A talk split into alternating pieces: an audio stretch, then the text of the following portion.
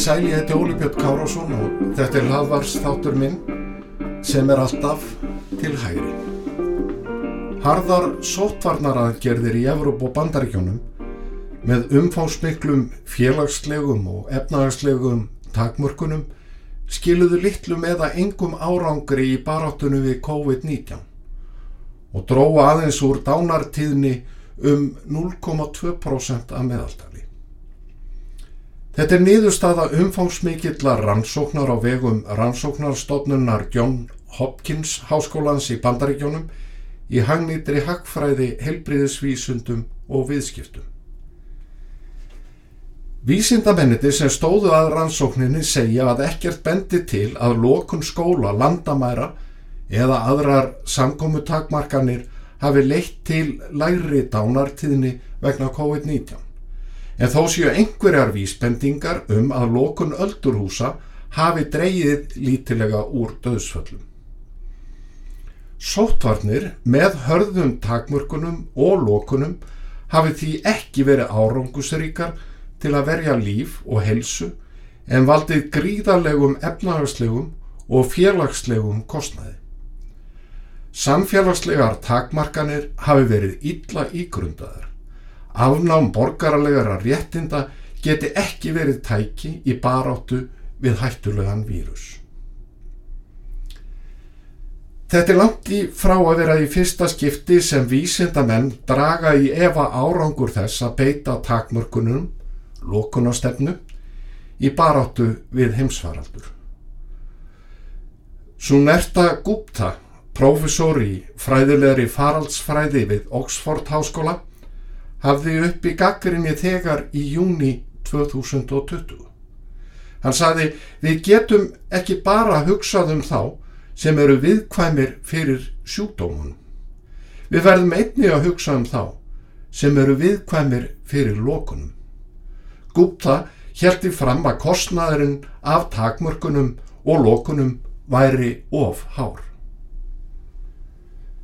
Takmörkun borgarlegs frelsis árásir á tjáningafrelsið og misbrestur á líðræðislegri ábyrð vegna heimsfaraldursins eru alvarlegt mál, saði skýslu tímaritsins The Economist um vísitölu líðræðis 2020 sem byrt var snemma á síðast ári.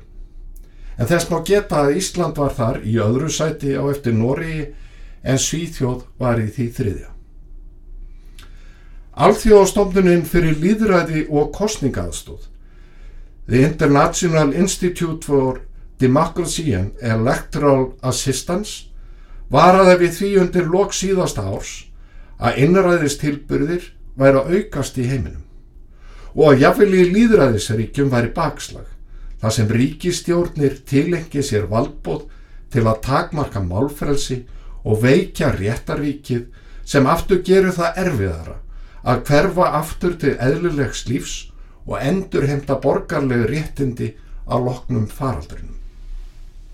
Í nóvember árið 2020 hafnaði ég þeim sjónarmiðum að á tímum neyðar ástand sé stjórnvöldum heimilt að leggja ákvæði stjórnskipunlega laga til hlýðar, sniðganga hefbundi ferli lögjafar og grípa til þeirra aðgerða sem taldar síu nöðsynlegar til að verja líf og heilsu almennings.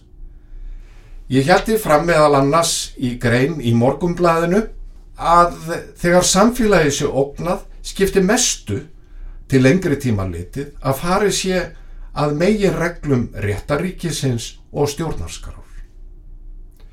Orðuritt skrifaði ég, ég hef haft evasemtur um að heilbriðiseyfuvöld geti sótt raukstuðning í sóttvarnarlög fyrir öllum sínum aðgerðum, óhátt því hversu skinsanlegar þær kunna að vera.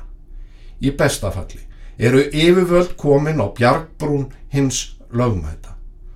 Borgarleg réttindi sem eru varin í stjórnaskrá verða ekki afnuminn tímabundið og engin veit hversu lengi sátími verður með reglugjörðum og á nokkus atbeina lögjafans eða undir ströngu eftirliti hans.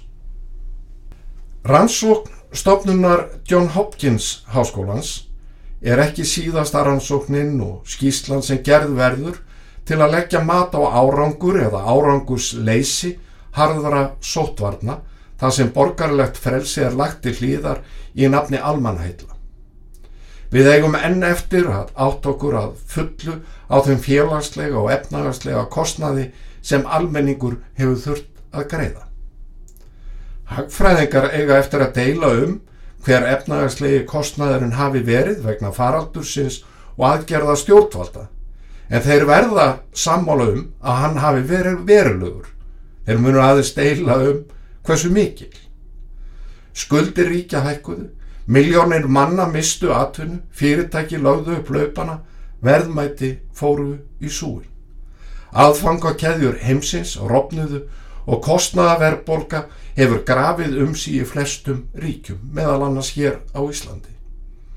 Við slíkar aðstæður verða hefbundin tæki peninga og ríkis fjármála bitminni en áður. Við verðum fljótari að gera upp reikningin þegar að kemur að efnagagslegum kostnaði en þann sem þarf að greiða vegna félagslegra áfalla samhliða hörðum sóturnum. Sákostnaður verður að líkindum falin að stórum hluta í mörg ár og við verðum að viðurkenna að mitt í baráttunni við COVID var almenn líðhelsa og heilbriði að nokkru sett til hliðar. Vísbendingar eru orðnar nokkuð skýrar um að lokuna stefna sem flestar þjóðir innleitu reyndist ekki eins árangusrík og vonur stóðu til. En kannski er mikilvægasti og dýrmætasti lærdómur almennings síðustu misserinn sá að beita alltaf gaggrinninni hugsun. Ávinningurinn sem stjórnvöld lofa þegar gengið er á réttiti einstaklinga reynist oftar en ekki tálsi. Ég þakka þeim sem hlýtu, eigi góðar stundir.